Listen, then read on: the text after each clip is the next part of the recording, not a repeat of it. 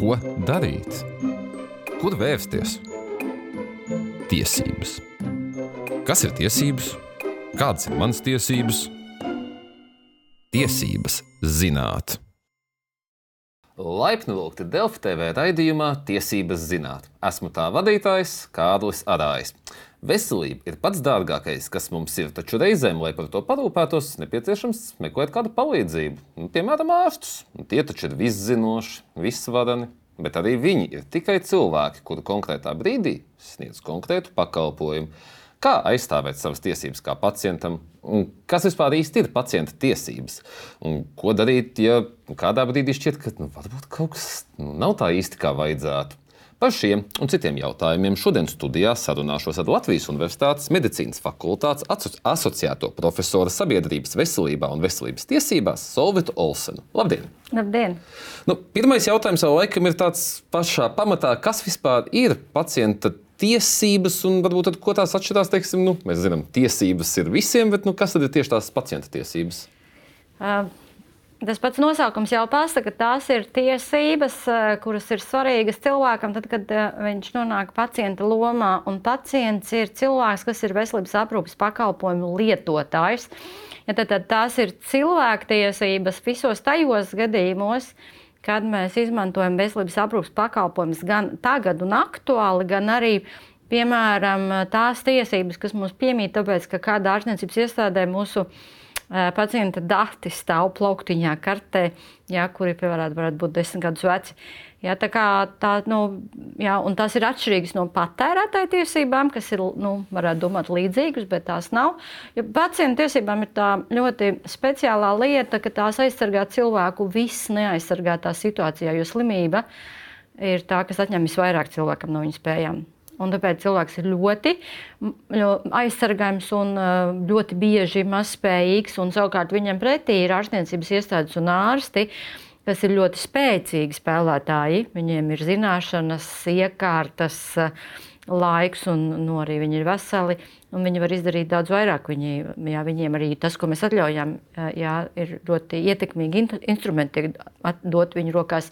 Jā, tāpēc mums ir ar pacientu tiesībām jāpan, jāpanāk tā ļoti lielā spēka samēra tā tāda mazināšana, tāda nu, izlīdzināt mēs īsti nevarēsim, bet mēs vismaz varēsim to ļoti saslimušo un vājo cilvēku ar tiesībām stiprināt. Un savukārt, jā, to lielo un spēcīgo ar tiesībām ierāmēt, lai viņš pēc iespējas rada mazākus riskus. Nu, tā teikt, Dāvids pat ir Goliāts gandrīz vai? Gandrīz, jā. Un tās jā, tiesības ir tā linga, kura tad. Nu, Un tad, tad laikam, ir jautājums, kas ir tādas pašas būtiskākās tiesības, kas pacientam piemīt? Nu, jūs sakat, tas nav kā patērētāja tiesības. Nu, tad varbūt kas ir tās nu, pamata, pamata tās lietas? Nu, tas, protams, kas ir, kas ir pamatlieta cilvēktiesībās eh, un kas veselības aprūpē ļoti svarīga cilvēka cieņa. Mēs katrs esam unikāls kā cilvēks, un, un, un mūsu vērtība ir kā cilvēkiem. Un veselības aprūpē tai vērtībai nereti var ļoti atņemt to jēgu. Uh, un, un tad, protams, ir cilvēka neaizskaramība. Kā princips, jā, cilvēka ķermeņa neaizskaramība, cilvēka prāta neaizskaramība, jā, tad cilvēka integritātes aizsardzība.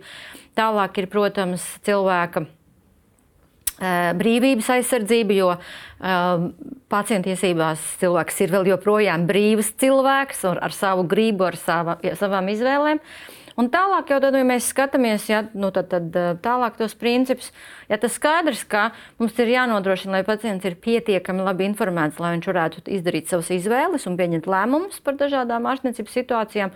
Mums ir ārkārtīgi svarīgi aizsargāt pacientu privāto dzīvi. Un šeit ir gan viņa, gan viņa fiziskā aizsardzība, gan viņa e, informācijas aizsardzība, jeb tas, ko mēs mūsdienās saprotam ar pacientu datu aizsardzību. Un, Un tad tāda, nu, tāda vairāk tāda plašāka joma, ko mēs saucam par sociālām pacientu tiesībām, ir, ja cilvēku tiesības saņemt veselības aprūpas pakalpojumus, kas ir nepieciešami tā galvenā mūsu resursa veselības aizsardzībai. Mhm. Un, Kā tieši pacients tā aktīvi var aizsargāt tās savas tiesības? Nu, pie, paņemsim tādu vienkāršu situāciju. Cilvēks nu, salauž kāju, nonāk slimnīcā, nu, ir uzgaidāmajā telpā. Kas ir tajā brīdī, tas, kā viņš var aktīvi pārstāvēt tās savas tiesības? Un es cenšos tādas pavisam vienkāršākās ikdienišķās situācijas šeit modelēt. Nu, skaidrs, ka pirmkārt šajā situācijā viņam ir ļoti svarīgi panākt, lai viņš var um, uh, atjaunot to savu veselību salauztās kājas dēļ. Ja viņam ir jātiek līdz slimnīcā, jātiek slimnīcā iekšā, jātiek līdz tiem, veselības, līdz tiem speciālistiem, kas viņam var palīdzēt to salauzto kāju ārstēt. Tās ir tiesības uz veselību, veselības aprūpes piekļūstamību un pieejamību. Ir jānodrošina, tas ir tipisks valsts pienākums. Ir jābūt slimnīcai, uz kurien, uz kurien viņš var aiziet, ir jābūt speciālistiem zinošiem, ir jābūt iekārtām. Eh, ja tas ir tā, ir tā, nu, tā lielā tā sociālā tiesība daļa. Un mums ir jāveicina, lai visi cilvēki, kuriem ir dažādas veselības līkstas, lai viņi tur pēc iespējas ātrāk nonāk un pēc iespējas efektīvāk jā, aizsargāt to savu veselību uh, un at, at, atgūst to veselību. Līdz ar to jā, turpina būt tikpat. Um, ražīgi sabiedrības locekļi kā pirms tam. Jo tas, kas mums pārējiem interesē attiecībā uz to vienu, kas salauz kāju, lai viņš pēc iespējas ātrāk jā, atgūst to savu potenciālu. Un, un mums tāpēc arī jārūpējas, lai ir tas, ko es nosaucu. Savukārt, protams, cilvēkam no tāda tīri individuālā viedokļa, kas mums ir jā, jā, vienmēr jāņem, jāņem vērā, mums ir jāmazina cilvēku cieņas aizsardzība, prasa, ka mums ir jāmazina cilvēciskās ciešanas, jo, piemēram, jā, kāju salāžots ir milzīgas sāpes, un tad mums ir jādod iespēja nu, to vienkārši imobilizēt to lūzumu un, un, un piedāvāt viņam risinājumu, lai viņam nav ar salauztu kāju jārāpos slimnīcu. Un tad, kad viņš nonāk jau specializētā ārstniecības iestādē, tad mums ir jārūpējas, lai viņam tiek piedāvāta kvalitatīva lūzuma ārstēšana, lai tā ārstēšana notiktu saskaņā ar viņa izvēli un ar viņam, viņam pieņemamā veidā. Un, un, un, un, tie, jā, un tā, nu, tās manipulācijas, ko viņi var piedāvāt, lai viņas ir pietiekami drošas un zinātniski pamatotas nu, tā lūzuma ārstēšanas mērķu sasniegšanai. Jā, jūs pieminējāt tieši par sāpēm, un tas ir diezgan plašs jautājums, nu, kas arī internetā ir bieži izskanējis. Tas biežāk gan skata sievietes, vai tieši par sāpju menedžmentu, ka ārsti bieži netic pacientam, ka pacients jūtas spēcīgas sāpes. Jo it kā, nu, varbūt ārēji nekas par to neliecina, bet pacients nu, tiešām jūt tās sāpes. Un ko tādā gadījumā pacientam darīt? Nu, ja tiešām sāp tā, ka pa sienām jārāpo, bet ārsts saka, iedzer ibumetīnu un nu, ej mājās, liec man mierā. Tā ir acīm redzama tāda problēma, jā, un Latvijā mēs viņu esam diezgan um, jau labi, jau pēdē, un īpaši pēdējā laikā apsprieduši, ka mēs uh, jā, uh, ļoti bieži tā cilvēciski nevērtējam ciešanas.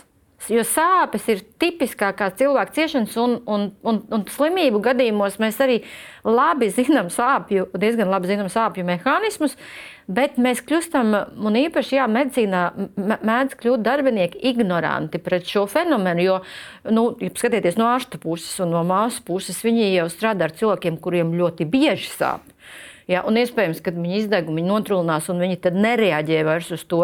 Nu, savukārt pacientam sāp tā, kā viņam sāp. Un, eh, ja, un tāpēc mums ir ik pa laikam jā, pirmkārt jāatgādina visiem, ka sāpju menedžments, jeb sāpju mazināšana ir, ir cilvēku cieņas jautājums ja mums ir, e, ja mums ir līdzekļi, kurus mums ir jāizmanto, nu, un tad, ja kāds ir tiešām kļuvis ignorants pret citu cilvēku ciešanām un sāpēm, tad mums ir jāatgādina. Un tas, kā mēs atgādinājām mediķiem par sievietes jā, ciešanām, ko rada sāpes dzemdību laikā, jā, tas mums labi izdevās. Um, mm, jā, bet, bet skaidrs, ka, ka ļoti daudzās situācijās medicīnā uh, Eh, ja mēs redzam, ka tiek ignorētas pacienta vajadzības, jā, tad mums ir jāmeklē nu, tie atgādināšanas uh, līdzekļi. Jā, nu, bet ko darīt tam pacientam tajā brīdī? Nu, sāp, tas sāp, un sāpot, kad sāp arī ir grūtāk padomāt. Ja, nu pacientam uh, skaidrs, ka grūtāk padomāt, tad, jo pacientam vienmēr ir uh, tiesības prasīt, lai viņam nodrošina atbilstošu un kvalitatīvu aprūpi. Un sāpju mazināšana ir, ir viennozīmīgi. Jā, tā ir mūsdienu veselības aprūpei un, un, un jā, neatņemama sastāvdaļa. Ir tikai tad būtu jāprasa, ja, un, un to mēs arī redzējām dzemdību atsāpināšanas stāstā. Uh, ka, um, ka mēs jau visi noskaidrojam, ka tās ir sievietes tiesības gan prasīt, gan saņemt atsāpināšanu. Un, bet tas, ja tie pacienti jau ir dažādi, nav jau jābūt pacientam vienmēr sievietei dzemdību situācijā. Skaidrs, ka tās tiesības, par kurām mēs runājām, tajā situācijā ir tādas pašas visiem citiem cilvēkiem, tāpēc ka nu, cilvēkam sāp.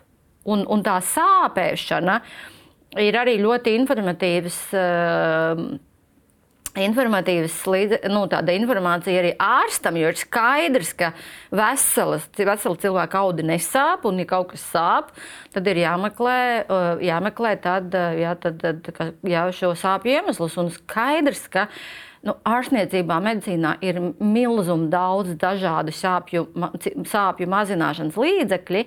Un tas mūsu tas, tā, tā problēma ir tāda, ka mēs tāda nu, nereti ignorējam, vai arī mēs nepievēršam uzmanību, ko tad mums tagad vajadzētu izvēlēties. Jo skaidrs, ka, nu, piemēram, ko jūs teicāt, ka mēs sākam ar labāk pieejamiem, vienkāršākiem, lētākiem, labāk zināmiem. Bet šajos gadījumos ir tas nākamais. Un šeit ir divi jautājumi. Mums ir jānoskaidro, kāpēc sāp. Jo cilvēks nevar jo, dzīvot ilgu laiku sāpēs tikai dzerot ibumetīnu ja, tad viņš sagandēs savu veselību. Un otrkārt, ja mums tiešām ir zināms, kāpēc sāp. Un, un, un ir saprotams, ka sāp ļoti, nu tad mums ir jāmeklē, kur ir nākamie līdzekļi, un tādi mums ir diezgan pietiekami, jā, lai tās ciešanas mazinātu. Un skaidrs, ka tad, kad mēs nonākam galējos stāvokļos, palietīvā aprūpē, un, piemēram, vēža pacientiem ir tāda vēža, kas ļoti, ļoti sāp. Un, un tas lielākais eh, jā, tas mūsu uzdevums ir atrast tos piemērotos atsāpināšanas līdzekļus, lai cilvēkam nav jācieš. Un tad, bet, diemžēl, ja arī mūsdienu medicīna nav visspējīga, atliek mums tādi nu, atsevišķi gadījumi, kad tas ir ļoti Eh, ja tās ciešanas ir tik lielas, ka mums nav to līdzekļu. Tāpēc mēs apspriežam, piemēram, par kanabīdu eh, jā, izmantošanu medicīnā vai tam līdzīgi. Bet tā, tas jau ir vairāk medicīnas zinātnes jautājums, ja kā mēs varam atrisināt tos.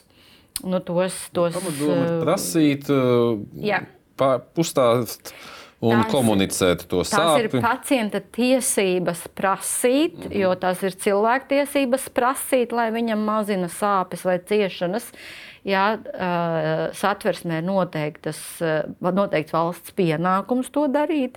Mums tikai ir jānoskaidro šeit, jā, kas, kādā veidā un kurā vietā, ko konkrēti izdarīs. Jā, un par to izdarīšanu.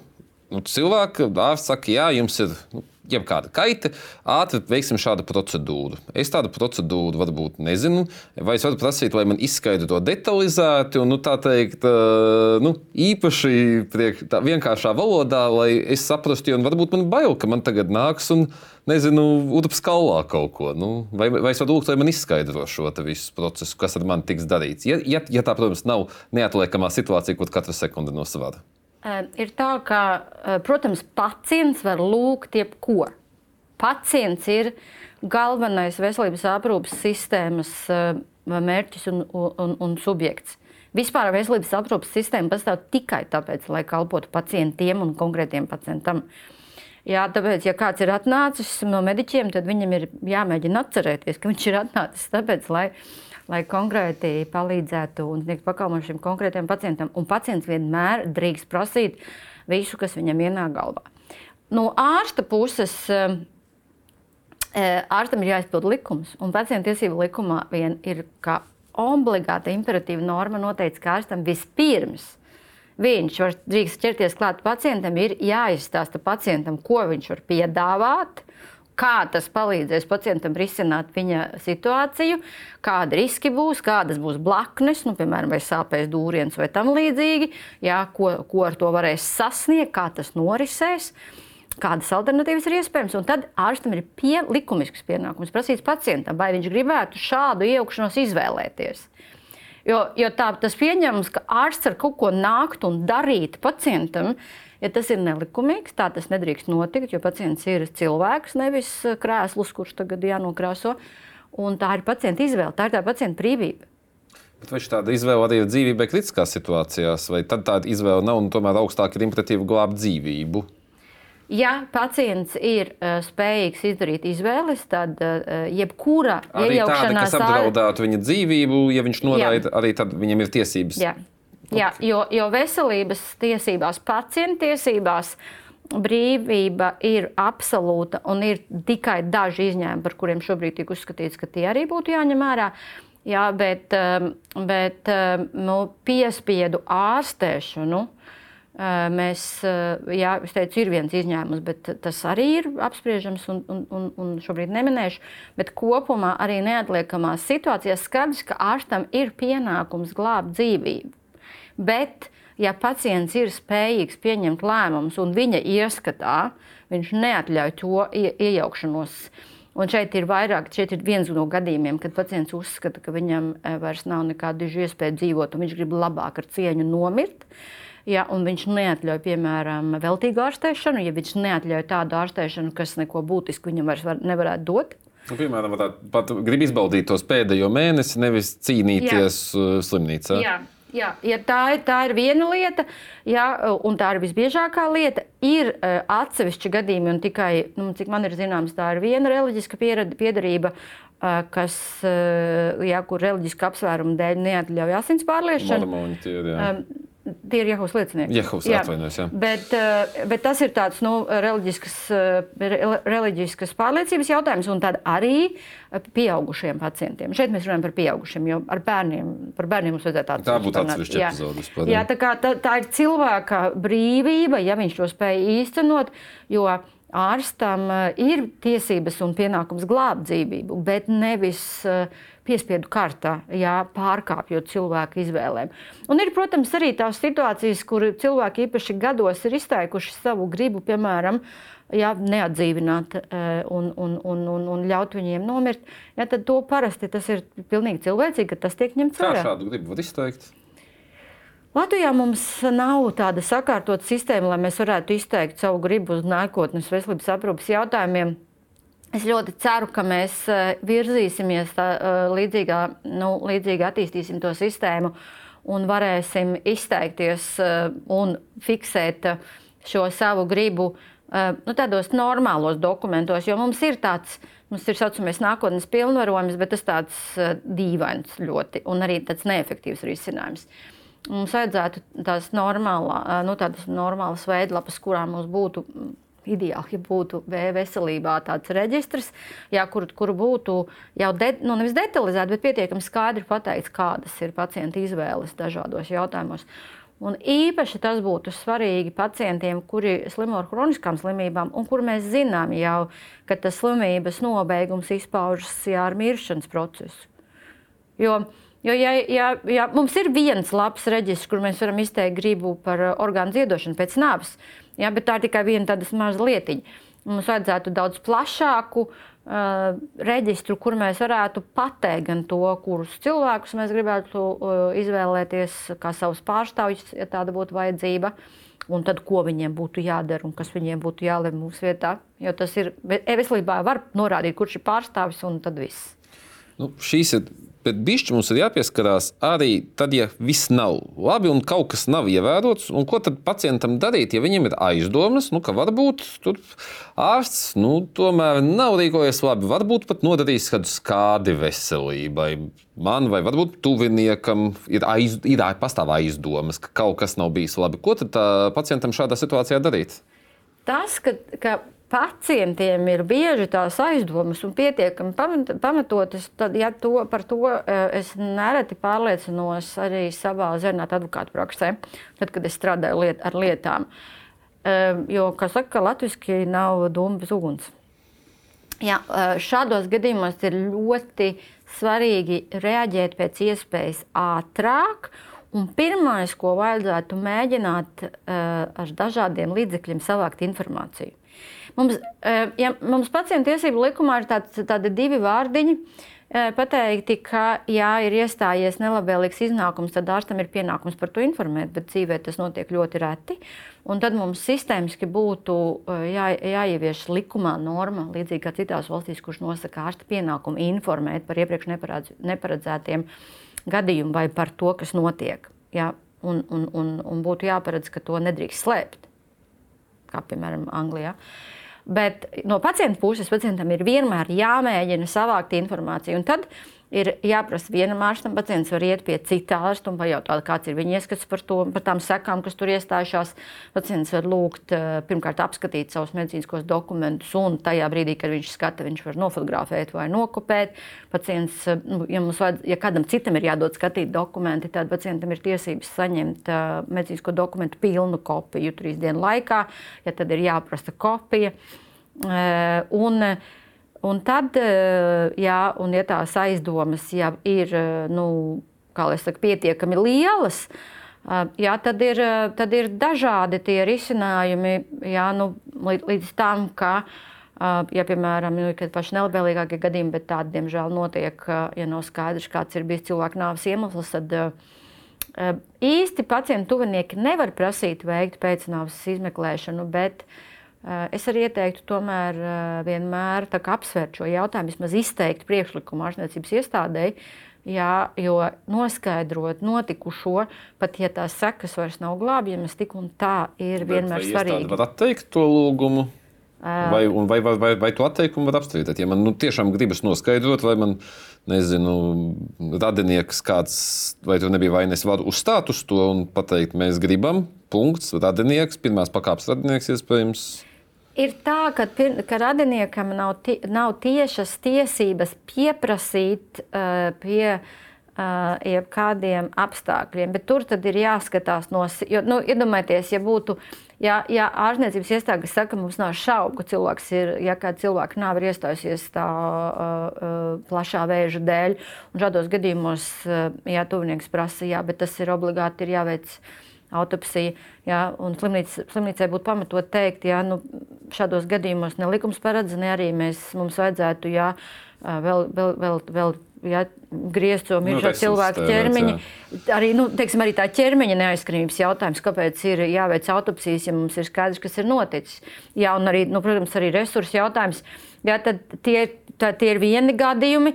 Jā, tad, bet tad, ja tur ir kaut kas neskaidrs, un, un tad, ja ir eh, pastāv aizdomas, ka kaut kas varētu būt eh, jānoprecizē, ja tad eh, pacient, mirušā pacienta pārstāvja, un šeit ir dzīvības aizsardzības dēļ, var prasīt, viņiem nav tiesība uzlikt par pienākumu kādam, bet viņi var prasīt, uh, Nu, tad uh, iestādēji ir jāsniedz atbilde, kāpēc viņu ieskatā tāds, tāda veida izmeklēšana uh, būtu vai, vai nebūtu pamatot.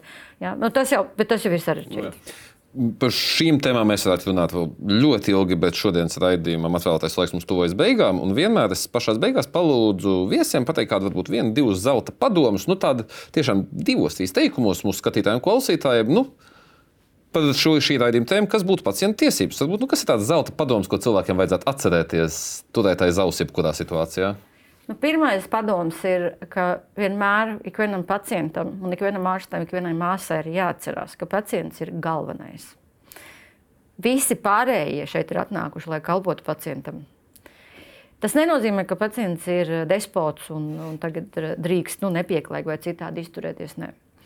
Otra lieta pacientam, e, jo pacients būs aktīvāks līdzdalībnieks, tajā skaitā pieprasot informāciju, e, izjautājot, pārdomājot savus lēmumus, piedaloties tajā, ko viņš uzskata par viņam derīgu, vajadzīgu un tam līdzīgi, tas vienmēr dos labākus rezultātus pacientam. Ja pacientam slimības dēļ šīs spējas tiešām ir atņemtas, tad tad ir vienmēr svarīgi iesaistīt kādu pārstāvu vai tuvinieku, kas to pacientu lomu var uzņemties un par tām pacientu tiesībām rūpēties.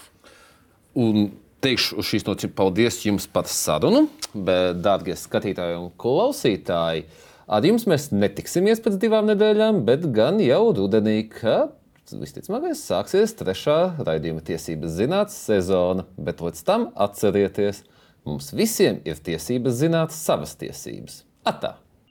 thank you